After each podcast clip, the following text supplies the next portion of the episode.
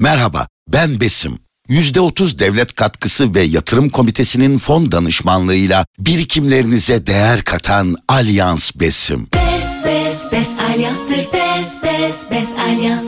Siz de bireysel emeklilik sistemine Alyans Yaşam ve Emeklilikle katılın. Besiniz Alyans, kafanız rahat olsun. Detaylı bilgi alyans.com.tr, acentelerimiz ve anlaşmalı banka şubelerimizde. Bes bes bes alyanstır bes bes bes alyans. Gündem Medya'dan herkese iyi hafta sonları.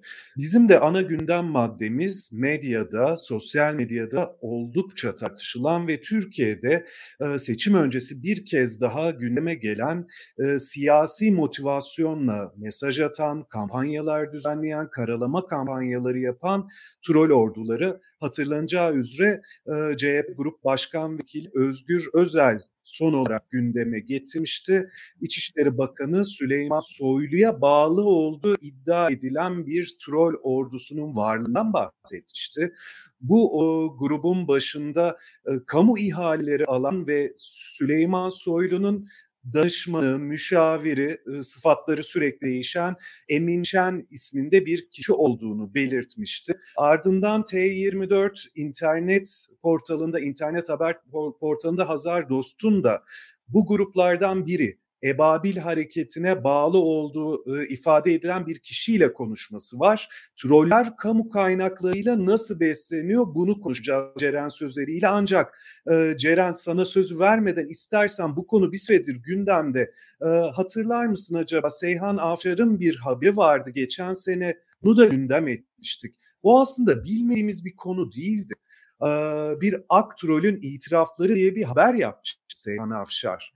O, o dönemde Ümraniye Belediyesi'nde çalışan Orhan Sarıkaya'nın aslında bir tırnak içinde kamuoyunda akro olarak anılan bir grupla bağlantılı olan, e, siyasi motivasyonla tweetler atan, propaganda tweetleri atan bir kişinin söyleşisine yer vermişti Seyhan Aşar ve birden çok iktidar kanadında e, troll ordusu olduğundan bahsetmiş. Biraz hafızayı tazeleyelim.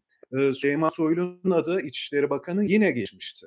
Metin Günk'ün adı e, Adalet ve Kalkınma Partisi milletvekili onun ismi geçmişti. Kendisine özel bir troll ordusu vardı. Başka hangi isimlerin vardı hatırlayalım. Berat Albayrak'ın ismini vermişti. Öyle bir iddiada bulunmuştu. Ve eski başbakan Ahmet Davutoğlu'nun bugün muhalefet kanadında altılı masa bileşeni onun ismini vermiş. Hatta Davutoğlu'nun troll grubunu Taha Ün yönetiyor demişti. Dolayısıyla bizler iletişim akademisyenleri ve gazeteciler olarak internet kullanıcıları bir süredir bu troll ordularının aslında belki de sadece iktidar kanadında da değil muhalefetin çeşitli renklerinde e, oluşturulmuş troll orduların farkındayız. Ve bunların isimleri çeşitli vesilelerle gazeteciler tarafından sızdırıldı. Bu dosyalar açıldı ancak belki de hiçbiri Özgür Özel'in e, bu hafta içinde meclisteki basın toplantısında anlattığı kadar kapsamlı bir organizasyon şemasını ortaya koymadı. Belki de en dramatik olan troll ordularının kamu kaynaklı yani bizim vergilerimize beslendikleri yöndeki iddiaydı. Ceren biraz bunun ayrıntılarına girelim mi? Evet Can senin de hatırlattığın gibi aslında biraz daha öncesi de var. Yani akademik çalışmalara da konu olmuş bu aktrol konusu. Hatta gezi sonrasında bunun sayısının 6 bin olduğuna dair e, bir takım haberler çıkmıştı. E, bu tartışılıyordu zaten yani AKP'nin şeyden sonra, Gezi'den sonra, Gezi'de oluşmuş o sosyal medya yani haberlerin yani ana akım medyanın haber verememesinin ardından sosyal medya üzerinden haberleşildiği ve sosyal medyanın e, bir anlamda toplumsal hareketin iç, itici gücü olduğu e, şey üzerinden, fikri üzerinden e, artık buralara önem verilmesi gerektiği, siyasette sosyal medya önem verilmesine gerektiğine dair işte pek çok akademik çalışma da yapıldı. Şimdi sadece şeyin değil AKP'nin değil, CHP'nin de, İyi Parti'nin de hatta Saadet Partisi'nin bir ara videoları vardı e, seçim zamanlarında hatırlarsın. Her siyasi partinin tabii ki e, ister gençlik kollarında olsun, e, tabii daha çok gençlik kollarında, gençler daha sosyal medya ile alakalı olduğu için bir takım çalışmalar yaptığını biliyoruz. Biz zaten görüyoruz. Arada sırada bazı hashtaglerin e, ön plana çıkarıldığını. Fakat burada şöyle bir fark da var. Yani kamu kaynağının öncesinde o tabii ki yani Özgür Özel'in çıkardığı çok önemli bir şey. E, fakat bu bahsedilen yani Özgür Özel'in bahsettiği gibi Ebabil harekatı gibi ya da daha önce bazı bunun gibi gruplar şimdi mesela bir tane troll grubunun ismi İBB'nin Kandil yapısı falan. Yani bunlar sadece kendi siyasi pozisyonlarını, siyasi partiyi, politikalarını savunmak, e, orada yapılanları ön plana çıkartmak değil. E, burada bahsedilen şey karşı tarafa e, muhalif gördüğü, beğenmediği, siyasi rakip olduğunu düşündüğü e, siyasetçilere, Hatırlarsan mesela Canan Kaftancıoğlu bunların e, bunların sık sık e, saldırısına uğruyor. İşte Kemal şey e, Kılıçdaroğlu'na, e, bazen gazetecilere, e, insan hakları savunucularına doğrudan e, hakaretler eden, e, onları terörist diye yaftalayan bir anlamda da ve saldıran yani hakaretler ederek saldıran bir gruptan bahsediyoruz. Şimdi bu ikisi arasında fark var. Yani bir partiyi desteklemekle e, birilerine saldırmak için organize olmak arasında bir fark var. Ee, şimdi Hazar Dost tabii bu Seyhan Aşar bunu e, çıkarmıştı. Yani bu hatta yani e, Orhan Sarıkaya kendisi nasıl çalıştıklarını anlattığı böyle röportajlar, e, televizyon röportajları da olmuştu. Şimdi bunun ikinci aşamasında Özgür Özel'in Perşembe günü yaptığı e, basın toplantısında ortaya çıkan şey bu organize grupların aynı zamanda devlet kaynaklarından yani bu organize grupların başındaki insanların devletten e, devletin çeşitli aşamalarında e, ihaleler almak suretiyle zenginleşmesi ve de bu e, organizasyonda yer alan insanların bu işten şey olarak e, para kazanıyor olması. Şimdi bunlar hala iddia düzeyinde ama ispatlanması gayet de kolay. Yani e, Özgür Özel çünkü elinde e, bir takım faturalarla çıktı. Ve ikincisi ilgi çekici olan şey şu Özgür Özel'in anlatımlarında e, hani başka gruplarda daha önce de aslında Orhan Sarıkaya'nın söylediği bir açık gruplar var. Yani Ebabil Harekatı Telegram grubu gibi girip dahil olabileceğiniz. Bir de bunu organize eden kapalı yapılar var. E, şimdi şey diyor ki Özgür Özel diyor ki evet biz 8 bin kişilik bir başka büyük grup var ama burada neyin paylaşılacağını, kime nasıl saldırılacağını, hangi mesajları içereceğini belirleyen de 25 kişiden oluşan küçük bir grup var. Ve anladığım kadarıyla Özgür Özel'in ifadesinden bu küçük grup içerisinden birileri sızdırıyor Özgür Özel'e. Yani durumun böyle böyle olduğunu. Çünkü Özgür Özel o gün iç yazışmalarına dair de bir şeyler gösterdi. Bir takım mesajlar. Şunu yapıyoruz, bunu yapıyoruz vesaire diye. Şimdi bir benzeri Hazar Dost dün e, bir haber yaptı. O da yine Evabil Harekatı içerisinden birisiyle konuşmuş. E, isim vermiyor tabii. E, bu ekiplerin tabii en önemli özelliklerinden bir tanesi Süleyman Soylu'ya yakın olması. Şimdi İçişleri Bakanlığı olan bir insanın böyle bir operasyonun da yürütülmesinde önce hale gelmesi çok vahim. Yine e, Özgür Özel'in ifadelerinden e, Jandarma Genel Komutanlığı ve Emniyet Genel Müdürlüğü'nün Twitter e, hesaplarından arka arkaya aynı mesajların atıldığını iddia ediyor ve bu mesajların Emin Şen adlı bir kullanıcı tarafından yürütüldüğünü ha, e, biliyorsun bu mesajlarında hangi cihazdan atıldığına dair bir ibare vardır. Ee, işte bir ünlü telefon markası yani hani adeta şu şekilde atılmış bir mesaj oldu ifadesi de var orada. Evet bunlar şimdi çok ciddi ifadeler. Gerçekten e, hani devletin iki kurumunun iş işlerine bağlı e, iki büyük kurumunun e, başında yani onların siyasi sosyal medya hesabını yöneten kişinin aynı zamanda iktidarın siyasi rakiplerine karşı sosyal medyadan e, bir takım saldırı kampanyaları, simir kampanyaları düzenleyen bir şey, ekibin de başında oluyor olması çok büyük bir skandal e, öncelikli olarak. Yani şu anda yapılması gereken şey anında bunun soruşturulması. Yani sadece kamu kaynaklarından beslenmesi değil, aynı zamanda böyle bir örgütün varlığı da ki basın müşaviri pardon bakanlık müşaviri diye yer alıyor sitede. Daha sonra işte danışmana çevriliyor. Ne olursa olsun yani bir danışmanlık hizmeti bile olsa e, bunun bu şekilde e, hareket edemiyor olması lazım. Yani danışmanlığın tanımının bu olmaması gerekiyor. Son bir şey söyleyip sana bırakayım Can. E, şey Emin Şen 2013 yılında e, Türkiye Gazetesi'nden Fatih Vural'a konuşmuş. E, ve aslında büyük bir özgüvenle bu ekibin başında olduğunu e, anlatıyor. Yani bugün e, inkar ettiği e, sözlerin çok bir anlamı kalmıyor. Çünkü diyor ki Gezi'den sonra bir algı yönetimi ihtiyacı oldu. Biz e, AKP buna yeteri kadar önem vermiyordu. Biz gittik dahil olduk şöyle şöyle gruplar oluşturuldu vesaire. Bundan sonra diyor işler kamuoyu dediğimiz yer burada belirlenecek. Şimdi şöyle bir soru sorup sana öyle pas edeyim. E, algı yönetimi ya da işte e, gündem belirleme yalnızca sosyal medyada mı oluyor? Eğer öyleyse bunların bağımsız e, Twitter grupları içerisinde gündem belirliyor olabilmeleri gerekiyordu. Ama bunun arkasında medya ayağı var. Hilal Kaplan ilk savunanlardan bir tanesi oldu mesela. E, bunun bir medya ayağı var, bunun bir siyasi ayağı var. Nasıl oluyor da e, gündem e, bir ebabil harekatı veya sosyal medya üzerinden belirleniyor? Bunu haftalar konuştuk ya. Türkiye'de şöyle bir zincir var aslında. Zincirin halkaları. Ee, örneğin bir siyasetçiden bahsetmeyelim. Bir sanatçıdan, müzisyenden bahsedelim. Ee, belirli bir kesimin hoşuna gitmeyecek, onları rahatsız edecek bir davranış sergilemiş olsun ya da bir söz söylemiş olsun. Bunu defalarca dillendirdik. Hep olan şey şu. İşte bu bir takım e, anonim hesaplar, troll e, kullanıcıların öncelikle bir takım videolara servis etmesi söz konusu. Twitter'a, sosyal medyaya, Instagram'a. Bunlar bir yerden çıkıyor. Bir yerde bir arşiv taraması yapılıyor. Belli, sistematik.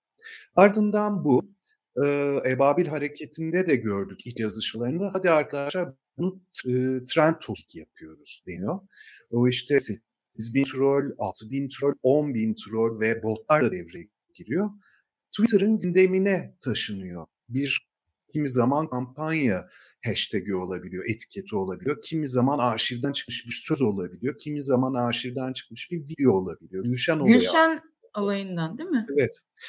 İkinci aşama bir takım iktidara yakın veya belirli politik odaklara yakın gazeteciler bunu köpürtüyorlar. Sosyal medya hesaplarından ya da köşe yazılarında, dijital ortamdaki ya da gazetelindeki.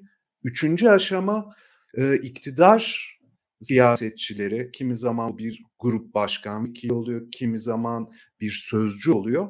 Bunu e, yaygın medyanın kameralarının ve gazetecilerin önünde bir kınama mesajına çeviriyor ve savcıları göreve davet ediyor. Kimi zaman da bu bir miting meydanından verilen mesaj oluyor, kimi zaman grup toplantısı mesajı oluyor.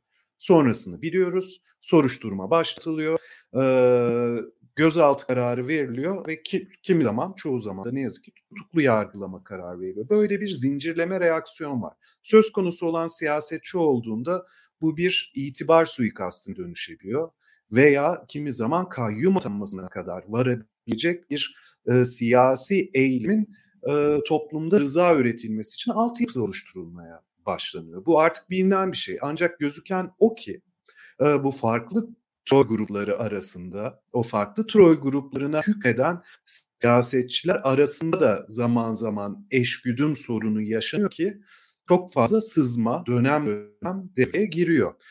Bir de şuna dikkat e, çekmek isterim Ceren. Açıkçası bir son zamanlarda çok o dikkatimi çekiyor. Belki eğer arzu edersen önümüzdeki programlarda onu konuşuruz. Bir takım hesaplar türemeye başladı. Çok e, yüksek takipçi sayısı olan anonim haber görünümlü hesaplar, haber hesapları. İşte seçim 2023 olabilir, başka isimler olabilir. On binlerce, yüz binlerce takipçisi olan hesaplar var. E kim var bu hesap, kim işletiyor dediğinde e, bir web sayfası olsa ve bir künye bulunmuyor. E bari ben bunu yazarlardan çıkartırım diyorsun, yazarlar yok ve hep yaygın bir taktik kullanılıyor. Örneğin Üç tane magazinel veya işte spor haberi alıyorsun. Bir şarkıcıdan, bir mankenden, onun açıklamasından, kimi zaman bir futbolcunun özel hayatına dair bir haberden bahsediyorsun. Bir iki tane sevimli kedi köpek videosu atıyorsun. Ondan sonra da aralara bolca siyasi gündemin neyse, iktidar tarafındaysan muhalefeti eleştiren, muhalefet belli bir kolundaysan muhalefetin diğer kolunu eleştiren e, haberler, tırnak içinde videolar, e, belirli agitatif ve provokatif olabilecek sözleri cımbızlayarak alma ve şunu görmeye başladım. Her geçen gün viralleşmeye başladı. Çok ciddi bir artık sadece troller, kullanıcı hesapları üzerinden yapılan şeyler değil, yeni bir evreye geçmişiz gibi gözüküyor. Ee, haber sitesi görünümünde aslında internet ya da sosyal medya, e, Twitter ya da e, Instagram hesaplarında dijital yazarlığı belirli bir seviyedeki gündelik kullanıcıyı da cezbeden ve beni çok şaşırtan birçok gazeteci meslektaşımızın da alıntıladığı, alıntılayarak viralleştirdiği çok sayıda hesap var ve aslında seçimlerden önce yine o bilgi akışında bir hegemonya kurmak, bir tekelleşme çabasının bir veçesi gibi geliyor bana. Bilmiyorum senin dikkatini bu çaba çekiyor mu? Evet Can hatta bazılarında e, haber linki de yok. Yani mesela şöyle şöyle bir şey oldu. E, Çünkü detaylar yok zaten. Haber detaylar yok. yok, site yok. Bunlar böyle bu şekilde paylaşılıyor. Yani tıpkı geçmişte e, şey olmuştu ya işte genel kurmay bir takım siteler e, destekliyor vesaire gibi. Yani bunun arkasında da ben bir siyasi gücün olduğunu düşünüyorum. Zaten aslında buna dair sızıntılar da ortaya çıkıyor. Örneğin MIT destekli bir takım haberler, haberciler. Yani bunun kendi içlerindeki bir çatışma, yani Nuh Yılmaz'la Hilal Kaplan arasında bir çatışmadan bile bunu görmüştük. E, Hilal Kaplan yazısının sonuna o Nuh'a söyle köpeklerin üstünden çeksin diye bir laf etmişti. e, bir böyle bir, bir tarafı var.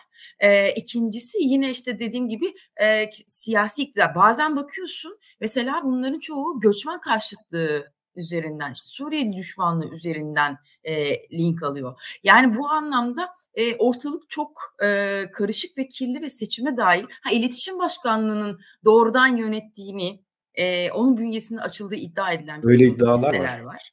Evet. evet bunlar da var. Şimdi ortam bu kadar karışıkken bir de üstünde bir dezenformasyon yasası çıkardılar.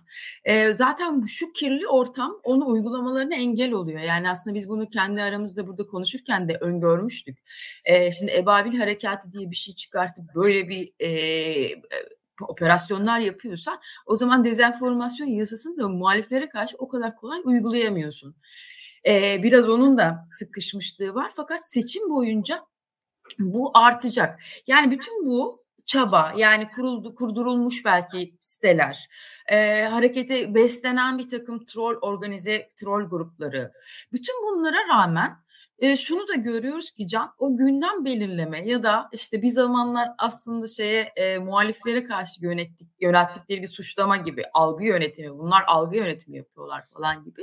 İşte o algı kendi benimsemişler aslında kendileri benimsemişler bu kavramı. Bu algı yönetiminin de çok işe yaramadığı ortaya çıkartıyor Örneğin bu. mesela e, cezaevindeki siyasetçi Selahattin Demirtaş'ın tweetleri Tam, sen gündemi ona, belirlemede... E, bağlayacaktım ama senin e, sesini duyamıyorum ben. E, bilemiyorum acaba şimdi gelecek mi şu an? Geldi. Duyabiliyor musun? Aslında soruyu yinelemek gerekirse cezaevindeki siyasetçi Selahattin Demirtaş'ın tweetleri sence gündemi belirlemede etkili mi? E, herhalde etkili olduğunu düşünüyorlar ya. Ben zaten e, etkili olduğunu düşünüyorum ama sadece bunu ben düşünmüyorum. Aynı zamanda Adalet Bakanı e, veya Adalet Bakanı'na aslında neredeyse hazırlanmış hani senin deyiminle e, şey yapılmış cevaplandırılmış sorular hikayesi vardı ya e, yanlış mı kullandım sorulandırılmış cevaplar güzel bir ifade var. Cevaplarda. Hatta e, o da kısaca değinelim. Şöyle iktidarıya gazetecilerin olduğu bir toplantı Adalet Bakanı Bozdağ hükümlerin sosyal medyayı kullanmasının önüne geçecek bir düzenleme düşünüyor mu diye. Adrese teslim sadece kişinin adı belirtilmemiş. Orada Demirtaş denilmiş de e, Sayın Bakan bu konuda soru bekliyor. E, muhtemelen öncesinde bir WhatsApp grubuna düşmüştür o e, bilgi notu e, bakan müşavir tarafından. O soru sorulmuş ve sonrasında da cevaplandırılmış. Evet ve ta- tabii ki yani sorunun kendisi de çok acayip çünkü e, hani bu bir ara Demirtaş'ın e, Kettle e, şeyi vardı Kettle'dan atıyorum tweetleri falan hatta Demirtaş'ın hücresi e, yani kaldığı hücre basılmıştı Kettle'a bakmışlardı falan acaba kendisi mi kullanıyor diye böyle komediler de yaşanmıştı. Şimdi bu soruyu soran da e, Adalet Bakanı da toplumun geneli de cezaevinde bulunan bir insanın e, bırak sosyal medya, internete vesaireye ulaşımı hatta bir sürü gazeteye bile e, ulaşımının olmadığını biliyor. Peki bunu niye yapıyor? Çünkü Demirtaş e, avukatları aracılığıyla, danışmanları aracılığıyla ya da ailesi aracılığıyla e, gündemi takip etmeye ve gündemle ilgili görüşlerini iletmeye devam ediyor. Şimdi bu bir demek ki çok ciddi bir rahatsızlık yaratmış. Demek ki gündem belirleme konusunda bir e, risk alanı yaratmış iktidar için ve bunu nasıl önleyeceklerine dair bir çalışma yaptıklarını söylüyor e, Bozdağ. Yani bu zaten aslında bizim yaptığımız bütün her şeye el koysak bile bu kadar e, organize e, şeyler beslesek bile bizim gücümüz aslında gündemi belirlemeye yetmiyor. E, itirafı. E, ama diğer taraftan vahim olan da şu e, bunu nasıl engelleyecekler? Yani bunu böyle Bekir Bozdağ öyle bir şey söylüyorken uluslararası alanda neler yapıldığına bakacağız. Başka örneklerden şey yapacağız. Valla Birleşik Arap Emirlikleri örneğinden bahsediyorsa Sedat Peker nasıl susturuldu? O tabii ki bir hukuk devlet pratiği olmadığı için e, söz konusu olan organize e, suç örgütü lideri e, bir örnek tabii teşkil edemez. En azından bir yasal kılıfa uydurmak gerekir. Yani tabii bir taraftan Sedat Peker'i e, Birleşik Arap Emirlikleri Türkiye'ye iade etmek de yani onun karşısındaki riskle cezaevindeki bir insanın e, karşılaştığı risk aynı şey değil. Ha, bu ne olabilir? Ancak ve ancak e, tecrit yani Demirtaş'ı tecrit altına almak avukatlarıyla görüştürmemek olabilir. Yani bunun uluslararası alanda e, şey yapılabileceği, karşılaştırılabileceği, kıyaslanabileceği bir örnek yok. E, ve bundan bahsediyorsa aslında bu tür şeylere de hazırlıklı olmak gerekiyor. Çünkü bu çok ciddi bir insan hakları ihlaline işaret ediyor. E, eğer herhangi bir insan yani ben mesela bugün e, fake bir hesapla Selahattin Demirtaş iki ismini aldım ya da Selahattin Demirtaş e, fan ismini aldım. Gelip orada kendi şeylerimi e, yazabiliyorum ben ne bileyim başka bir isim aldım. Ayşe Yılmaz diye bir isim aldım. Girip orada bir persona yarattım. Eğer bunu engellemek bu bir suç değilse kimsenin görüşlerini iletip bir başkası tarafından bunu tweet atılmasının suç olabileceğini düşünmeleri bile aslında neyle karşı karşıya olduğumuzu gösteriyor. Hı Gündemden bahsediyorduk. Bak Özgür Özel'in açıklamalarıyla birlikte biraz gündemden düşmüş gözüküyor. Tabii Türkiye ne yazık ki çok çok kritik önemli konular bile e, hak ettiği sürede gündemde kalamıyor. E, ve e, Sinan Ateş cinayetini konuşuyorduk. Aslında geçtiğimiz hafta program yapabilseydik onu konuşacaktık. Çünkü çok önemli bir süreç, bir siyasi cinayet. Eski Ülke Ocakları Başkanı'nın Ankara'nın orta yerinde öldürülmesi Sonrasında çok e, önemli gazetecilik çalışmaları gördük. Faruk Bildirici bir liste yapmıştı. Gün gün hangi haber kuruluşu, hangi gazeteci Twitter'dan olsun, e, internet sayfasından olsun ya da ekrandan olsun ne tür haberler yaptı diyor. Örneğin Deutsche Welle Türkçe'den Alican Uludağ tweet seriyle e, başlamıştı. Dost olayı aydınlatmaya dönük bazı soruları sormaya ve bazı ortaya koymaya sonra web sitesinde devam etti. Ankara T24'ten Tolga Şardan'ın çok dikkat çekici soruşturmanın e, içeriğine dair bazı bilgileri hatta Cumhurbaşkanı Erdoğan'a Milli İstihbarat e, Teşkilatı tarafından sunulan bilgi notunun mahiyetine dair e, yaptığı önemli haberler vardı. Serdar Akinan, İsmail Saymaz, elbette Yeni Çağ'dan Yavuz Selim Demira, Timur Soykan farklı mecralarda farklı boyutlarıyla bu konuyu gündeme taşıdılar e, ve bu e, haber soruşturmaya dair kamuoyunun e, en azından belirli oranda bilgilenmesi için gazeteciler önemli çaba gösterdiler. Fakat burada bir şey benim dikkatimi çekti Ceren Sözre. Örneğin e, çok kritik olaylarda çok kritik olmasa bile yani e, herhangi bir e, artık orman yangınında ya da bir maden kazasında bir zaman zaman yayın yasağı verilebiliyor değil mi? Kamuoyuna ya da kısıtlama kararı. Evet, kamuoyunun onu konuşmaması istendiği zaman, gündem olmasın istendiği, ana akım o topa giremesi istendiği zaman o ana akım editörlerinin beklediği o onları rahatlatacak karar hemen çıkıyor. Yayın yasağı gelmiştir diye. Burada bir yayın yasağı gelmedi. Üzerinden bir hafta aşkın bir süre geçti. olan haberleri sen de biliyorsun suç ceza hakimlikleri üzerinden sürekli engelleme karar çıkar. Engelli ve web sayfası günlük engellenen yolsuzluk, usulsüzlük, görevli kötü kullanma haberlerinin listesiyle dodur. Bu da çıkmadı ilginç bir şekilde. Üçüncüsü yaygın medya daha önce uzun zamandır son dakika veremiyordu. Özel haber yapamıyordu. Örneğin TV'den Gökhan Gerçek Ankara'nın deneyimli e, polis adliye muhabirinden bir tanesi oldukça uzun bir zaman sonra bu kadar kritik bir dosyada bir son dakika haber yaptı ve e, Sinan Ateş cinayetinin azmettiricisi olmakla suçlanan Doğukan Çepin ifadesini yayınladı. Şimdi şöyle bir tablo var. Gazetecilerin elbette ki çabalarını, bağlantılarını araçsallaştırmalarını, ülkücü harekette e, MHP yönetimine genel merkeziyle ayrışan isimlerin ifşalarını göz önüne almak lazım. E, burada ortaya çıkan gazetecilik ürünlerini göz önüne almak lazım. Ama sanki e, bir anlamda da bu e, cinayetin aydınlatılması değil belki ama e, bir süre belirli reçeleriyle konuşulmasının önüne geçilmedi gibi. Eğer Türkiye demokratik bir ülke olsaydı daha doğrusu basın ve ifade özgürlüğü konusunda rahat bir iklim olsaydı böyle işleyecekti süreç ama biz bu süreci göremiyoruz. Bu senin dikkatini çekti mi? Kesinlikle Can. Yani cinayetin hemen ardından bütün bir süreç neredeyse şeffaf biçimde ilerledi. Yani MHP milletvekili Olcay Kılavuz'un evine polislerin gelmesi, onun işte polislere siz gidin sahibiniz gelsin demesi sonradan işte yalanladı gerçi ama bütün bu süreç hatta bugün artık gerçekten Dinçer Gökçe, Doğukan Cep'in bundan önce yani aslında Doğukan Cep biliyorsun Hasan Ferit Gedik cinayeti hükümlüsü e, hapiste olması gereken bir insan. Sinan Ateş cinayetinde azmettiricisi olmakla suçlanıyor. Azmettiricisi evet. e, ve buna rağmen yani dışarıda e, hiçbir şekilde tutuklanmıyor ve bu arada da işlediği suçlarla ilgili de yeni haberler çıkıyor. Yani bir Bilgi işte Kocaeli'nde Evet, Kocaeli'nde bir balık e, restoranını kurşunlaması vesaire falan. E, işte ne bileyim bir başka gencin öldürülmesi, bir öğrencinin öldürülmesi vesaire gibi bir sürü bütün bunlar e, neredeyse ba- bir sürü gazeteciye e, içeriden bilgi akıyor. E, yani işin böyle de bir tarafı var. Tabii ki biz bu isimleri sayarken bu akan bilgi akışı yani bu bilgi akışı içerisinde bunları e, çek edebilecek, doğrulatabilecek, bunun üzerinde bir habercilik titizliğiyle yaklaşabilen insanlardan evet. e, bahsediyoruz. Yoksa sosyal medya üzerinden bir sürü başka iddialar da e, söz konusu olabiliyor.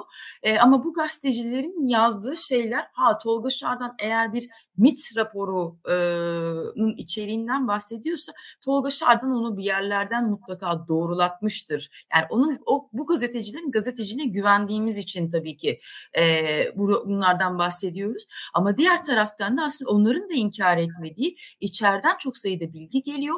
Bu da bize tabii ki en e, şey şekliyle en açık şekliyle aslında konu AKP'liyi rahatsız ediyor olsa, iktidar rahatsız ediyor olsa bunların önüne hemen daha bir kere zaten dava üzerinden dava dosyasını kısıtlama gelirdi. Gizlilik kararı alınırdı. Ee, böyle ifadeler çarşaf çarşaf yayınlanamazdı. Yayın yasağı gelirdi. Ee, bununla ilgili haberler engellenirdi. Fakat işte bu aslında şeyi bir gösteriyor bize. Her şeyin tek bir şeyle kontrol edilebildiği bir yerde yaşıyoruz. Yani bilgi akması gerekiyorsa akıyor.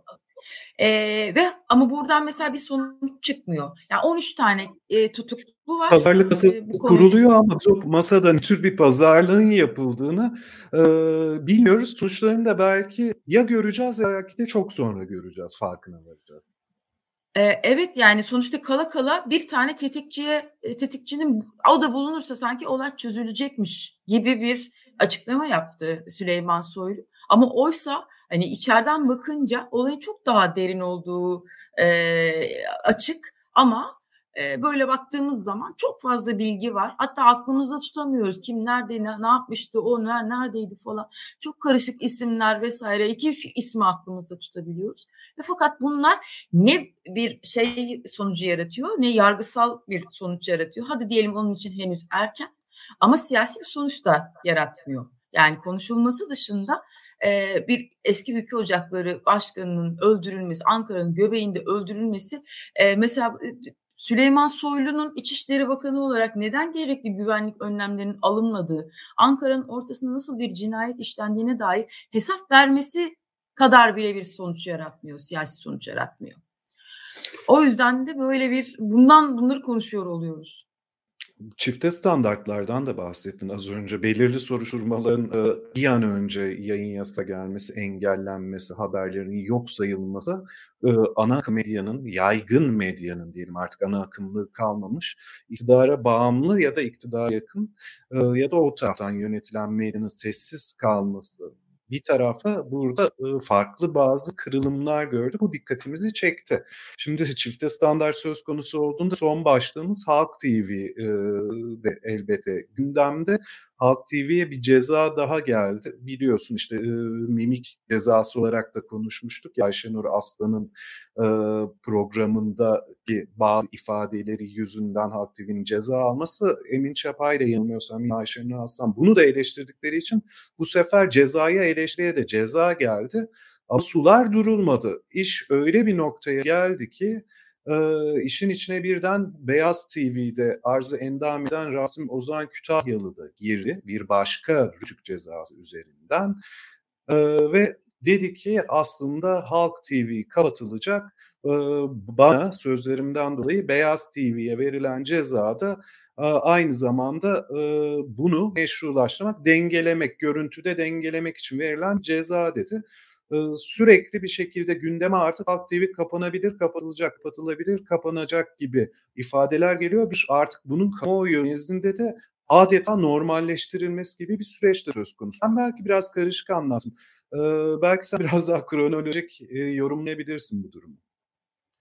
Yani Halk TV'ye o e, terör örgütü ya Ayşenur Aslan ve Emin Çapa'nın terör örgütünü övdükleri gerekçesiyle ki öyle bir şey de yok. 13 Kasım'daki patlamayla ilgili ortaya çıkan bilgilerin inandırıcı olmadığına dair yapmış oldukları bir yorum e, ve orada Ayşenur Aslan'ın kullandığı bir mimiğin terörle e, yani terör destek olarak yorumlayıp e, çok ciddi bir ceza vermişlerdi. E, ve onu protesto etmek için Ayşenur Aslan ve Emin Çapa birer maskeyle özellikle Emin Çapa bir maskeyle çıktı. Şimdi e, hani eğri oturup doğru konuşalım e, şeyin içerisinde yasanın içerisinde radyo televizyon üst kurumunu eleştirmek diye bir ceza yok. Fakat radyo televizyon üst kurumu e, kararlarının gerekçelerini şeffaf biçimde koymadığı için ya da çok geç bir şekilde koyduğu için biz orada ne olup bittiğini bir türlü anlayamıyoruz. Yani e, ya şeyiz müteşekkiriz Orhan e, Okan Konuralp ve e, İlhan Taşçı orada neler olup bittiğini anlatmaya çalışıyorlar. Fakat oradaki görüşmelerdeki görüşmenin dışarı sızması da e, yasak olduğu için e, bir anlamda onların da elini kolunu bağlıyor ve kararları da yayınlamadıkları için e, böyle işte bir şaibe yaratıyorlar. Biz haklıyız, onlar işte böyle söylüyorlar ama gerçek neden o değil gibi e, bir şaya yaratıyorlar çok hızlı başladılar. Yani 2023'e Halk TV'ye geçen sene de e, çok fazla ceza verilmişti. E, fakat 2023'e çok hızlı başladı Rütük. E, aslında buna dikkat çekmeye çalıştı Rasim Ozan Kütahyalı'da. Rasim Ozan Kütahyalı'nın daha önce de Rütük kendisine bir ceza vermişti. E, başka bir hakaret yüzünden. E, bu sefer de yine e, hani sadece hakaretten midir yoksa aslında o tür programların kendisinin e, içeriklerinde tartışılan hani cinsiyetçilik, ayrımcılık vesaire bütün bunlar düşünülünce tabii başka türlü değerlendirilmesi de gerekebilir. E, ama Rasim Ozan Kütahyalı bir taraftan da e, iktidara yakın olduğunu söyleyen hatırlıyorsan e, şeyle beraber e, Ertuğrul Özkök'te bir programa çıkıp şey demişti biz zamanında işte seni itibarsızlaştırmak için ben böyle bir şey yapmıştım bir persona yaratmıştım. Sana oradan her gün küfrediyorduk vesaire gibi evet, bir takım ifade. Içtiğinde, evet bu içler acısı itiraflar konuşulmuştu. Evet yani dolayısıyla aslında Rasim Ozan Kütahyalı bize şunu söylüyor. Ben içeriden bilgi alıyorum. Bunların niyetleri bu. Ama tabii ki buradaki esas derdi bana verilen ceza haksız bir cezadır. Aslında bunu dengelemeye çalışıyorlar. İşin o tarafı başka ama bir niyet açık ediyorsa bu e, önümüzde yine seçim dönemi söz konusuyken e, Halk TV'ye yönelik böyle bir hazırlık varsa da bunu da e, ortaya çıkartmış oluyor bu beyan. En azından bunun üzerine e, olduktan sonra değil e, olmadan önce bunların yapılamayacağına dair e, güçlü bir ses, güçlü bir iradenin oluşturulması gerekiyor. Yoksa e, aslında bir anlamda şeyle kalıyor bu. İşte E, buna da ceza verdiler, buna da ceza verdiler. Yok artık buraya da buna da ceza verdiler. Ama hükümetin öyle bir derdi yok. Yani herkesi şaşırtmak, daha e, çıtayı yükseltmek gibi bir derdi yok. Daha planlı ilerlediği ortaya çıkıyor bütün bunlardan. İşte o planı baştan görüp o planın ilerlemesini engelleyecek bir takım önlemler önlemlere ihtiyaç olduğunu düşünüyorum ben. Bir de genel olarak şöyle bir kanı var biliyorsun. Ne olursa olsun elimizde internet var, sosyal medya var. E, haberin önü kesilemez, ses kısılamaz deniyor ama işte bu programda da konuştuk. İnternet ve sosyal medya platformları her geçen gün büyük paraların, sermayelerin akıtılmasıyla bilinçli olarak kirletilen dezenformasyona e, çeşitli güç odakları tarafından açık hale getirilen mecralar ve günün birinde belki bir süreliğine o internetin ve sosyal medya platformlarının da erişilemez hale gelebileceğini asla unutmamak gerekiyor. Dünyada ve Türkiye'de defalarca gördük. Bu yüzden aslında e, bir şekilde el altındaki e, gazetecilik kurumlarına ve gazetecilere de e, senin tam da dediğin gibi bir şey olmadan sahip çıkmak gerekiyor gibi gözüküyor. Çok çok teşekkürler Ceren Sözleri. Herkese teşekkürler bizleri dinlediğiniz için. İyi hafta sonları.